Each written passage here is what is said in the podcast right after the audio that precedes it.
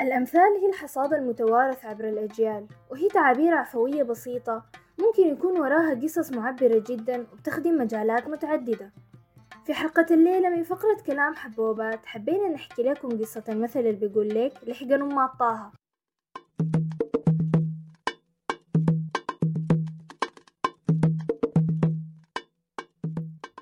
القصة وما فيها بتقول لك إنه كان في سبع أخوات.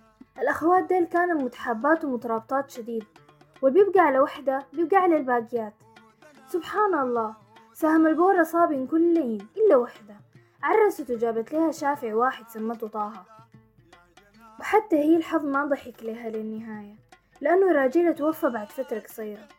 زولتنا دي بعد وفاة راجلها بقت وحيدة والمسؤولية كتير عليها فقررت ترجع تعيش مع أخواتها وفعلا ده الحصل أخواتها ما صدقن طبعا وحبوا طه أكتر من روحهم لدرجة إنه ناس الحلة كانوا بيقولوا لهم أمات طه. دلعوه وعزوه وحتى كان طلب لبن الطير ما كانوا بيقصرن فيه. لكن طبعا اللي بيزيد عن حده بينقلب ضده. طه اتعقد شديد وزهج من الاهتمام الزايد الخانق نفسه وحتى أصحابه ما ريحوه من التشغيلات. قام لملم عفش وشرد من البيت. يلا أمهاته لما لقوه ما فيش. جنوا وقاموا وقعدوا. وطلعوا يفتشوه في الخلا من دون ما في واحدة منهم تتذكر تشيل معاها زاد ولا سندة. وراحن في الخلا وما في زول لما فيهم ليه يوم الليلة.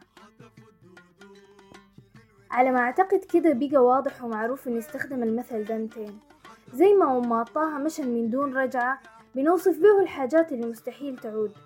تعود عليكم الأيام السمحة والذكريات السعيدة. كانت معاكم إلاف عصام في بودكاست طايوب. من تحرير وتوزيع علي أبو الحسن ومساعدة فريق منصة الجبنة في الإنتاج.